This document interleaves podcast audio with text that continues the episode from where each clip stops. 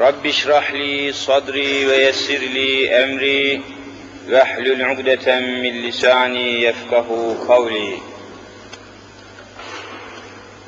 Aziz ve muhterem müminler, mübarek Ramazan, imanlı gönüllere, mümin vicdanlara, bütün kutsiyetiyle, bütün tazeliği ve güzelliğiyle aramızda misafir olması hasebiyle mağfiret-i ilahiyeyi, rahmet-i Rabbaniyeyi yaymaya devam ediyor. Ancak öyle bir alem ki Ramazan-ı Şerif, o yalnız iman sahiplerine, yalnız imanlı gönüllere misafir olarak geldi. Yani tek kelimeyle Ramazan herkese değil, Ramazan sadece ve sadece imanlı gönüllerin misafiridir. İmanlı kalplerin, imanlı vicdanların, ehli imanın misafiridir. Hazreti Allah Celle Celaluhu oruç ile, Ramazan ile alakalı ayeti kerimeyi inzal ederken ya eyyühellezine amenu Ey iman sahipleri diye hitap eder. Ey iman sahipleri! İman sahibi olmak katiyen kolay bir şey değildir. Onu kalbiniz tasdik edecek. Onu diliniz ikrar edecek. Onu bütün davranışlarınızla ispat edeceksiniz imanı ve iman esaslarını bütün davranışlarıyla bir Müslüman ispat edemezse kuru bir davadan öteye geçmez. Ramazan orucu manevi bir disiplin ile bize hükmeden, bize hakim olan Rabbül Alemine beslenen imanın bir tecellisidir. Yoksa kaldırımlarda, sokaklarda, caddelerde dudaklarına musallat ettiği sigarayla müminlerin yüzlerine, oruç tutanların gözlerine o sigaranın dumanını üfleyerek dolaşan imansızlarla Ramazan'ın hiçbir alakası yoktur. Efendiler, aziz müminler, biz öyle bir Allah'a iman ediyoruz ki, o Allah bizi yoktan var etmiştir. O Allah Celle Celalü bütün erzakımızı, rızkımızı, yiyeceğimizi ve içeceğimizi daha yeryüzüne gelmeden takdir etmiştir. Daha yeryüzüne gelmeden. Nerede? Hocam nerede yeryüzüne gelmeden rızkımızı takdir etmiştir? Nereden söylüyorsun? Hiç insan yeryüzüne gelmeden onun rızkı hazırlanır mı? Akla gelen bir sual. Ama insanoğlu gafletle hayatına baktığı için hiçbir keşifte bulunamıyor. İbretle bakılırsa, hikmet gözüyle, akıl ve idrak gözüyle bakılırsa, evet aynen böyle olduğunu görecektir. Kardeşim, sen yeryüzüne gelmeden önce ana rahminde değil miydin? Evet, ana rahminde dokuz ay yaşıyordun. Dokuz ay hayat sürüyordun. Sen ana rahminden yeryüzüne gelmeden önce senin annenin göğsünde bir damla süt bile yoktu.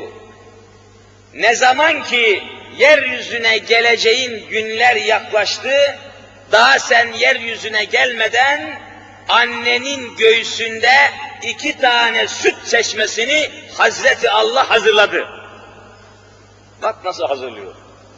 Hiç kimsenin müdahalesi olmadan, hiç kimsenin eli ayağı karışmadan otomatik olarak sen yeryüzüne gelmeden bakıyorsun ki annenin sinesinde senin gıdan, senin maman, senin sütün fevkalade bir şekilde hazırlanıyor. Anladın mı şimdi Rabbül Alemini? Evet, işte, işte ona iman etmiş olduğumuz için biz oruç tutuyoruz.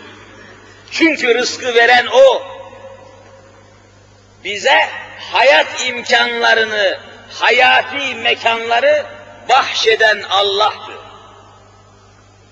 Ondan dolayı ona bir şükür borcu halinde alemlerin Rabbini tanımış olmak bakımından ona itaat gayesiyle oruç tutuyoruz ve böylece ona teslim oluyoruz. Allah'ı hakkıyla tanımadıkça yapılan ibadetlerin hiçbir değeri olamaz kardeşlerim. Onu iyi tanımak lazım.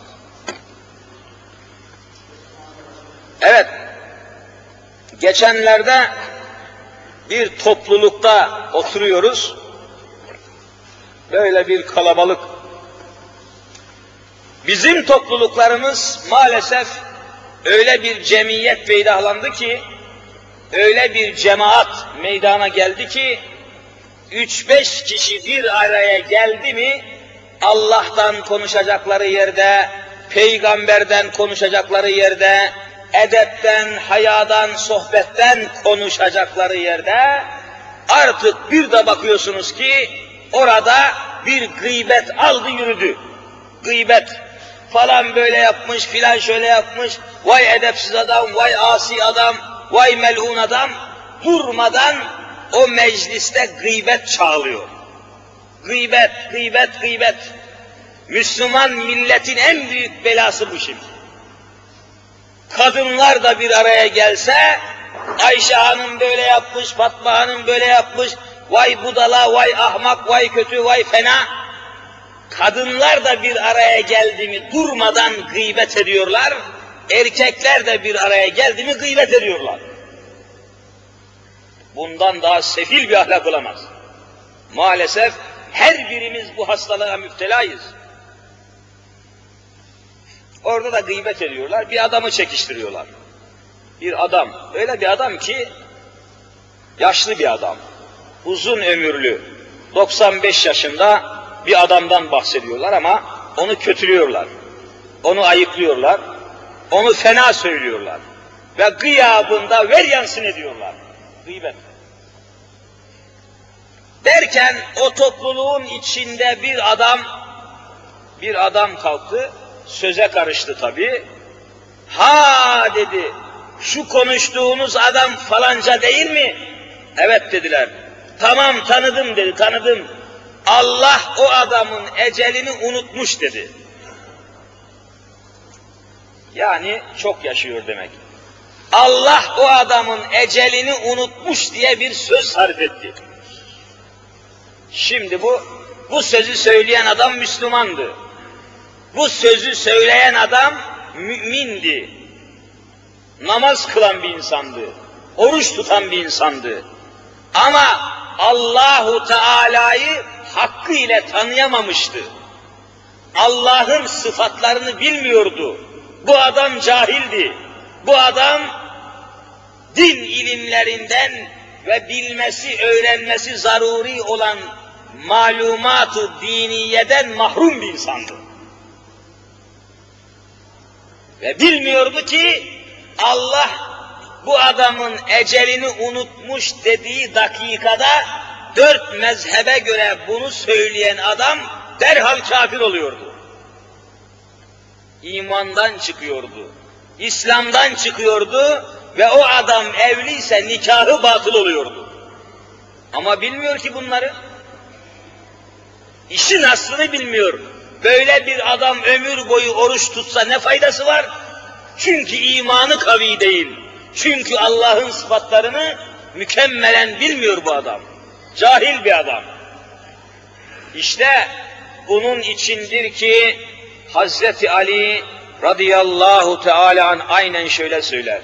Hazreti Ali لَوْ كَانَتِ الْجَاهِلُ فِي الْجَنَّةِ جَارًا لَتَرَكْتُ الْجَنَّةَ وَاخْتَرْتُ نَارًا Dinini, kitabını, İslam'ını, Kur'an'ını hakkıyla bilmeyen cahil bir adam cennette benim komşum olsa onun şerrinden cenneti bırakır cehenneme kaçarım diyor.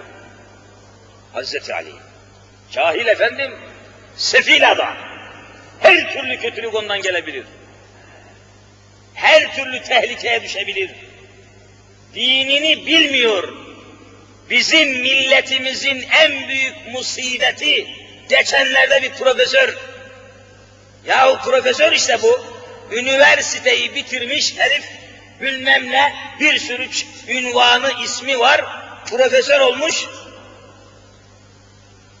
Profesör bir üniversitede hademelerden, müstahdemlerden birisine şöyle söylüyor. O hademe olan Müslüman, müstahdem adam cuma namazına gitmek için profesörden izin istemiş. Demiş ki sayın profesörüm cuma namazına gitmek istiyorum bana müsaade etmez misin deyince profesör kızmış yahu cuma namazını evinde kılsana demiş.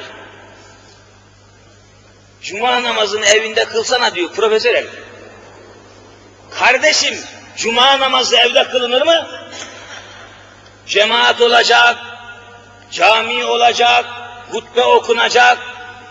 Herif profesör olmuş, daha dininden, imanından zerre haber yok bu hayvanın. Profesör olsa ne yarayacak bu adam? İşte böyle profesörlerin okuttuğu talebeler bugün memleketi cayır cayır cehenneme ve ateşe veriyorlar. Bak Balat'ta yangın var şimdi şurada.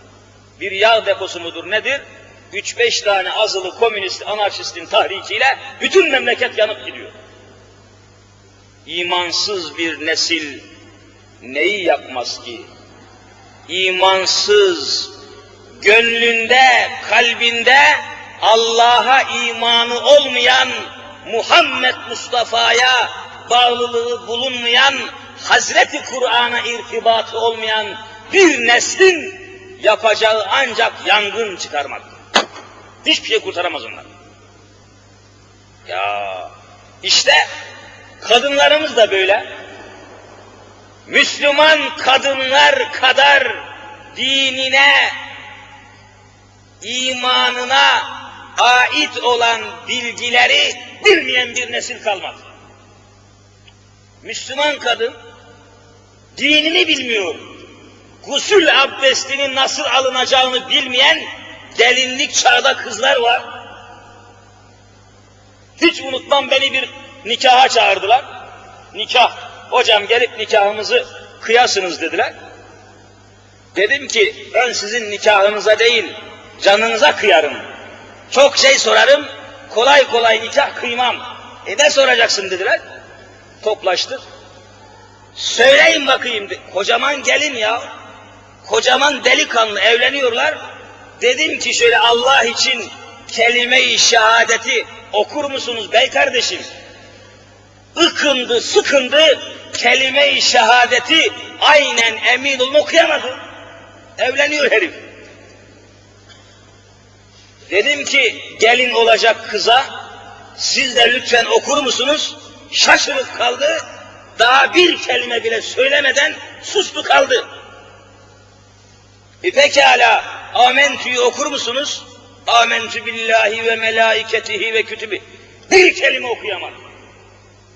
E neyse peki imanın şartını sayar mısınız? Allah'a, meleklerine, kitap...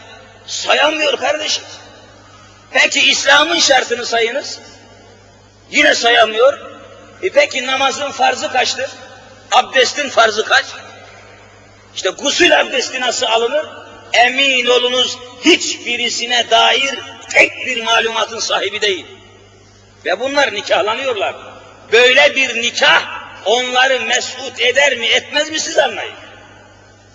Ve adına da dini nikah diyorlar. Dini nikah olur mu? Sen dinine ait lazım olan malumatı bilmiyorsun. Abdestten, namazdan, imandan, İslam'dan haberin yok.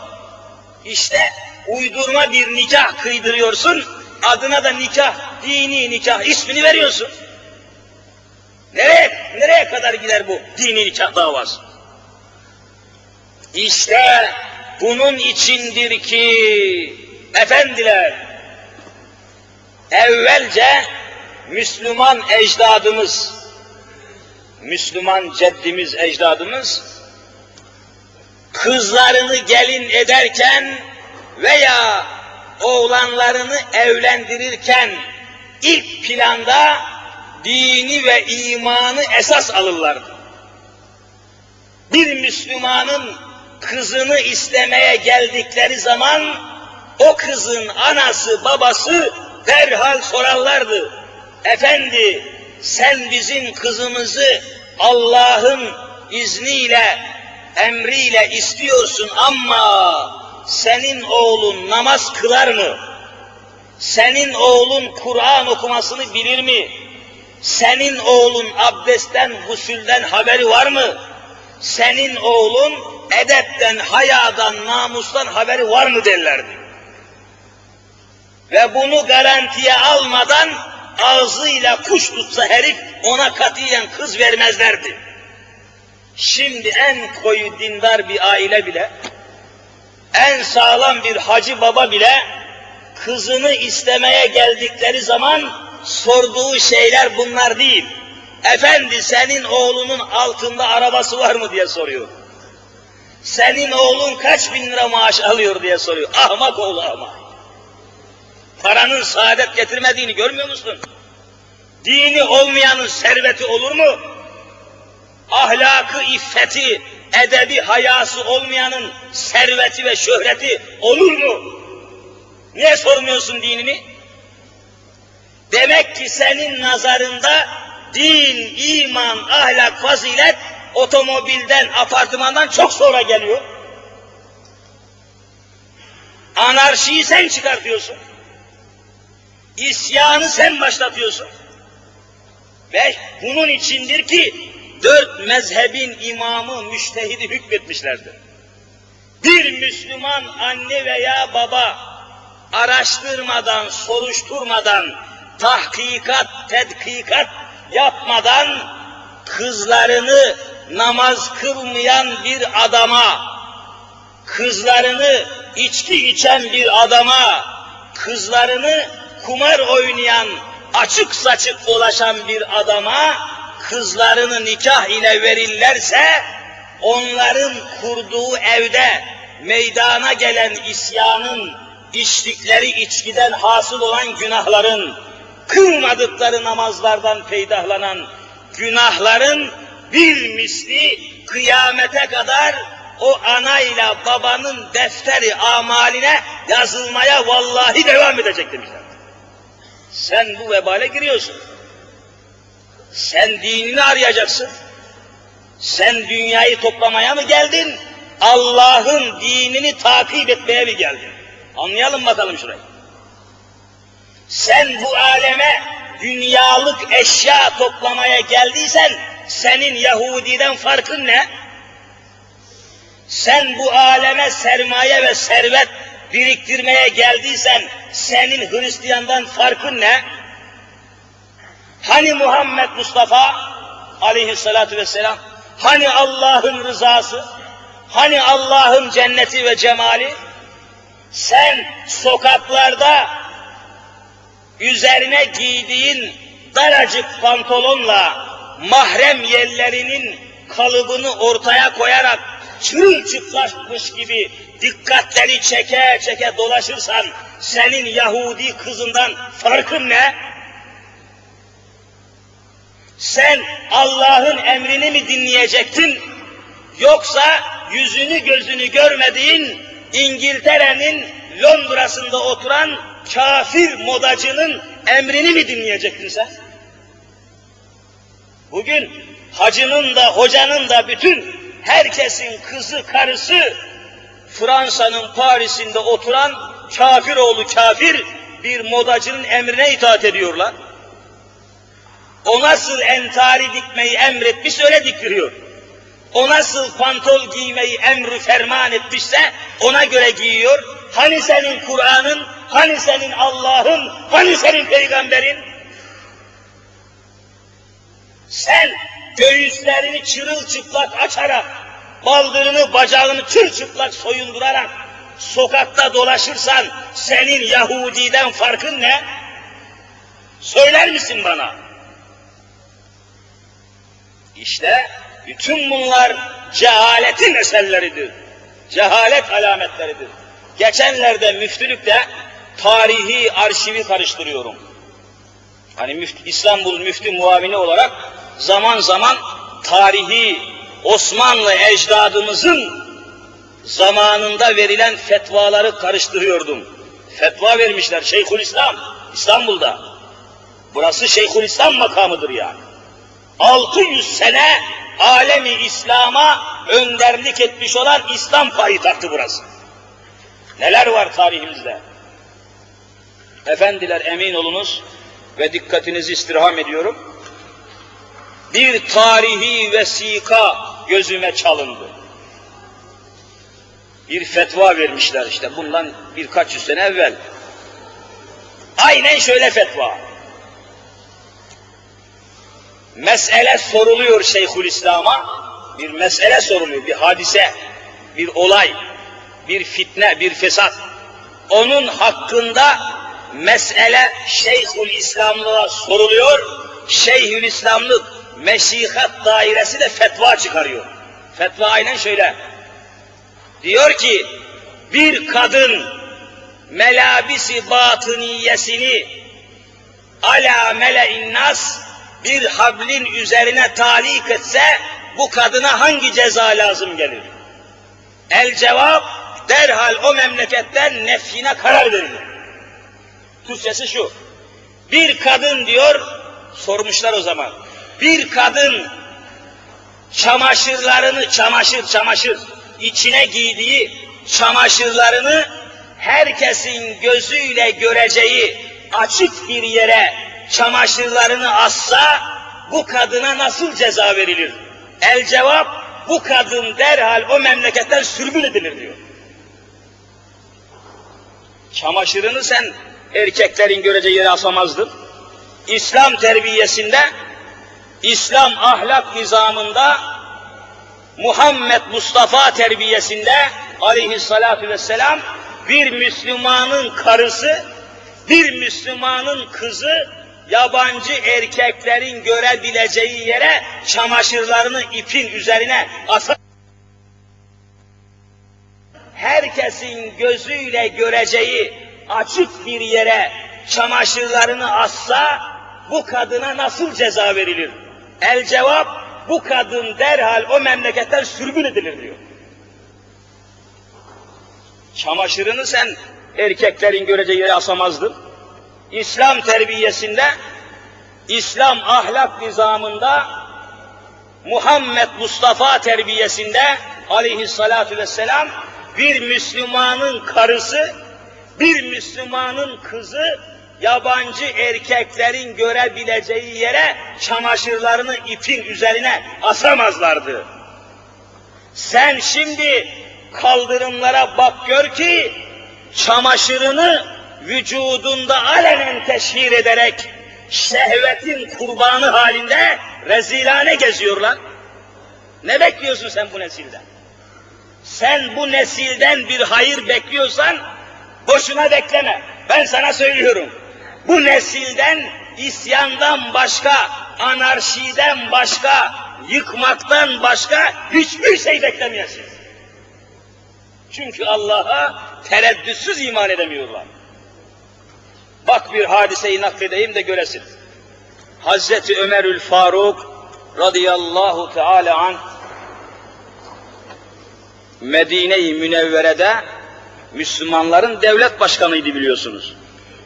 Emirül müminin yani müminlerin amiri, müminlerin devlet başkanı demek. İslam devlet başkanı, halife Hazreti Ömer devlet başkanlığı zamanında sık sık gecenin yarısında Medine-i Münevvere'nin sokaklarını teftiş ederdi. Dikkat! Medine'nin sokaklarını teftiş ediyor. Gecenin yarısı herkes uyumuş. Hazreti Ömer'in gayesi şu. Bakayım ağlayan, inleyen kimseler var mı? Bakayım yetimler, öksüzler var mı? Bakayım dul kadınlar, perişan insanlar var mı? Şikayete gelemeyen, şikayete gelemeyen, güçsüz ve kuvvetsiz insanlar var mı? Sadece ağlamaya gücü yeten insanlar nerede?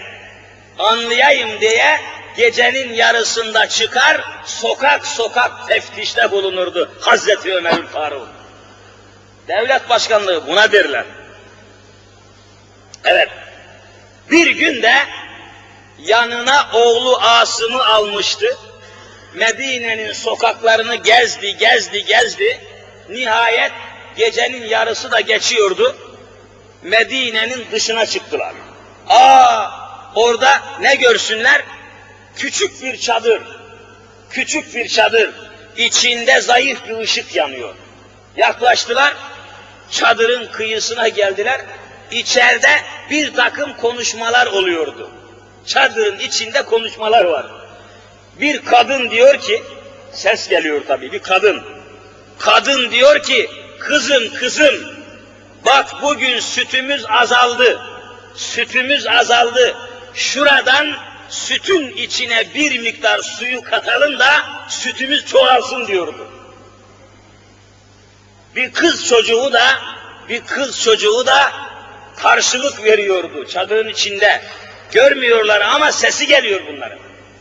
Kız çocuğu da diyordu ki, anne anne, senin teklif ettiğin bu iş günahtır, haramdır, kötüdür. Allah böyle şeyi sevmez. Nasıl sütün içine ben suyu katarım? Bu hiledir, bu haramdır diyordu. Bu sefer kadın daha yüksek bir sesle, aa kızıma bak, ne gören var ne bilen var. Bizi burada kimse görüyor mu? Hadi hadi sütün içine suyu kat bakayım diyordu. Ve sonra da canım kim görecek? Hazreti Ömer'den mi korkuyorsun? Ömer kim bilir nerede yatıyor, nerede geziyor demesin mi? Ömer de orada dinliyor dışarıda.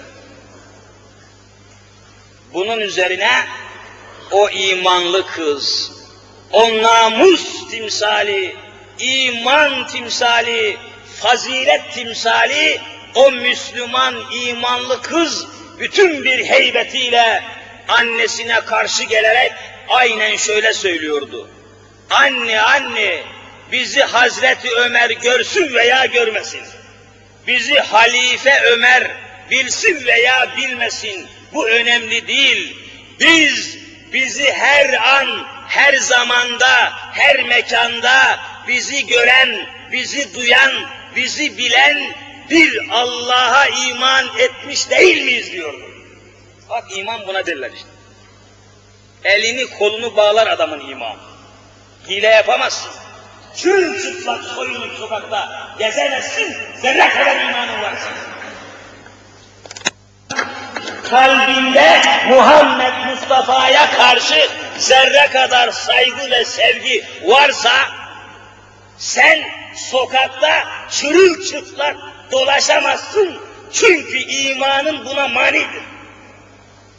Eğer dolaşıyorsan sende ben iman aramam. Sende vicdan namına bir şey aramam ve derhal kararını veririm. Sen Allah'a itaat etmiyorsun, kafir Avrupalıya ve modacıya ve mankenlere itaat ediyorsun derim. Ve kimse beni yanlış çıkaramaz. Resulüne itaatle mükellefsin. Ne demek sen bir Müslüman olarak ahirete, cennet ve cemalullah'a meyli ve muhabbeti bulunan bir insan olarak sen nasıl yabancılar gibi, Avrupalılar gibi, Hristiyan ve Yahudiler gibi nasıl sokaklara namusunu tökersin? Bu hangi kitaba sığar? Bu hangi dinin ve imanın esasına uyar? İşte bütün gücümüzle ve bütün gönlümüzle haykırıyoruz. Genç kardeşlerim, genç kız kardeşlerim, hanım kardeşlerim, size ısrarla ve imanla diyorum ki Allah'a itaat ediniz. Avrupalının modeline, modasına ayak uydurmayınız. Çünkü iffet ve hayanızı kaldırımlara adeta hiçbir para etmeyen mal ve meta gibi sererler, sonunda siz de cehenneme mahkum olursunuz. Yapmayın. Tedbirinizi alın. Ne kadar soyunursan soyun, ne kadar çıplaklığa özenirsen özen, sonunda tepeden tırnağa sana kefeni giydirecekler. Akıbetini düşün yani. Akıbetini düşün, imanını ve dinini feda etme. Üç günlük hayatı fani için, fani hayat için sen iffet ve hayadan mahrum olursan sende zerre kadar akıl ve iman yoktur demek lazım.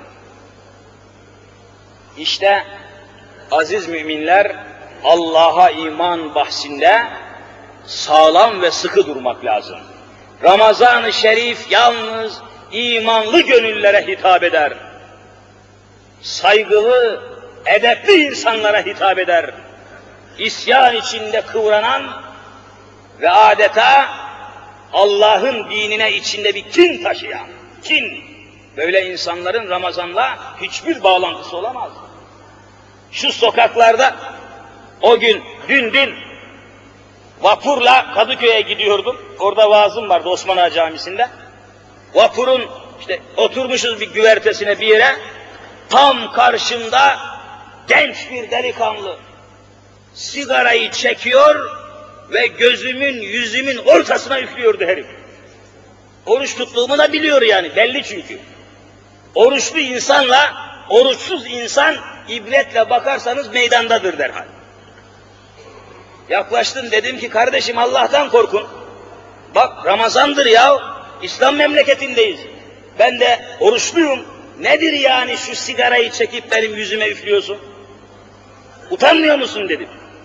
Aa efendim ne demek serbestlik var, hürriyet var, bağımsızlık var diye üzerime çullanmasın mı herif? Orada üç beş Müslüman olmasaydı yani rezaletin bini bir par olacak. Böyle bir nesil, böyle bir... inanır mısınız? Hollanda'da bizzat şahit oldum. Hollanda, Hollanda. İşte Hristiyan ülke. Din görevlisi olarak oraya gittiğimiz zamanda işte Müslüman Türk işçilerine vaaz nasihatlar yapıyorduk. Hollanda televizyonundan, Hollanda radyosundan zaman zaman dini konuşmalar yapıyorduk. Papazlar işitmişler, duymuşlar. Bir de baktık ki çıktılar geldiler. Biz salonda oturuyoruz bir işçi teşekkülünde. Dediler ki hocam papazlar var bir heyet halinde sizinle görüşmeye gelmişler. İçeriye alalım mı dediler. E, tabii tabii misafirimiz olsunlar alın onları içeriye dedik. Bir sürü papaz kiliseler birliğinden kalkmışlar gelmişler. Müslüman Türkiye'den bir hoca gelmiş. Konuşmalar yapıyormuş. Onlar pastör mastör diyorlar. İçeriye aldık, oturttuk şöyle bir kalabalık papaz heyet. Tercümanlarımız var, konuşacağız biraz sonra. Merhaba filan dedikten sonra hemen Müslüman işçilerimizden birisi koşmuş mutfağa bu papaz, papazlar için güzel bir çay demlemiş. Ramazan. Hemen tepsiyle getirdik, küt diye koydu ortaya. Papazlara buyurun buyurun filan dendi. İnanır mısınız hala gözümün önüne gelir. O papazlar ellerini uzatmadılar. No no no no dediler. Hayır hayır. Muhammeden Ramazan. Muhammeden Ramazan. Muhammediler, Müslümanlar oruçludur, Ramazandır. Ayıptır, günahtır. Lütfen bu çayı kaldırın dediler, içmediler. E bizim mürtetlerimiz, mürtet mürtet. Bizim mürtetlerimiz bu papazlardan yüz bin derece daha beter hainler. Ne edep var, ne haya var, ne Allah'tan korku var, ne Allah'a saygı var. Alenen ve açıkça orucunu yediği gibi Müslümanların yüzüne kurşun sıkar gibi sigara dumanı üflüyor hain. Böyle bir nesille memleket nereye kadar gider bilmem. Böyle bir nesille bu memlekette anarşiyi nasıl önleyecekler aklım kesmiyor benim. İşte aziz kardeşlerim, neslimize Allah aşkına sahip çıkalım. Bakınız şu mukaddes kürsüden hitap ediyorum. Hemen biraz ötemizde büyük sultan, büyük hükümdar Yavuz Sultan Selim Hazretleri yatıyor. Onların torunları olarak, onların nesilleri olarak Allah aşkına yalvararak diyorum ki karınıza, kızınıza ve mutlaka çocuklarınıza sahip olun. Sahip olun. Hakim olun. Bir parça işin üzerinde durun. Merak edin. Üzülün ve acıyın. Bu halin, bu gidişin akıbeti ne olacaktır diye biraz zihninizi yormaya çalışın. Bir faciadır gidiyor. Kaldırımlarda namus namına bir şey kaldı mı? Kaldırımlarda ve caddelerde aile hayatı bütün rezaletiyle batıyor her gün. Sokakta dolaşan kadınların arasında namuslu kadın kim, namus yoksulu olan kadın kim? Yahudi karısı kim, Müslüman karısı kim? Hiç belli değil. Nereye kadar gider bu cemiyet? Nasıl sahip çıkmıyorsunuz? Nasıl olur da bir Müslümanın karısı öz nikahlı bulunduğu kocasını dinlemez de, öz kocasını, nikahlısını dinlemez de, nasıl olur da Paris'teki modacıyı dinler? Nasıl olur da İtalya'nın Roma'sındaki artisti onun itaati içinde bulunur? Nasıl söz dinlemez? İşte sahip olmak lazım. Ve sıkı tutmak lazım işi. Ve ne olursa olsun Müslüman kalabilmenin tedbirini almak lazım. Mübarek Ramazan'da bu mevzulara geniş yer vermeli ve mümkün olduğu ölçüde ve kıymette ve derecede nefsimize sahip olduğumuz gibi neslimize de sahip olmalıyız. Yoksa onlar daha da kötüye, daha da isyana, daha da buhrana saplanacaklar. Ezan-ı Muhammed okundu mu? Okundu mu? O halde daha fazla uzatmayayım. Allah nasip ederse zaten her cuma akşamı buradayız. Ramazandan evvel de her cuma akşamı buradayım. Ramazan boyunca da her cuma akşamı burada olacağım. İnşallah Allah müyesser ederse Ramazandan sonra da her cuma akşamı burada olacağım. Müslüman kardeşlerimi davet ediyorum. Coşkun bir iman ile, mükemmel bir irfan ile Allah yoluna davet ediyorum. Kur'an ve Muhammed Mustafa aleyhissalatu vesselamın yoluna davet ediyorum. Bu davete icabet etmek üzere zaten gündüzleri oruç tutuyor, akşamları, geceleri namaz kılıyoruz. Bunun şuuru ve idraki içinde neslimize de sahip çıkalım diyorum. Ya Rabbi günahlarımı affeyle. Ya Rabbi kusurlarımızı mağfiret eyle. Ya Rabbi arş-ı aladan aramıza misafir olarak gelen bu mukaddes Ramazan ayında tuttuğumuz oruçları, kıldığımız namazları, okuduğumuz Kur'anları, yaptığımız hayru hasenatı dergahında kabul eyle ya Rabbi. Görünür görünmez belalar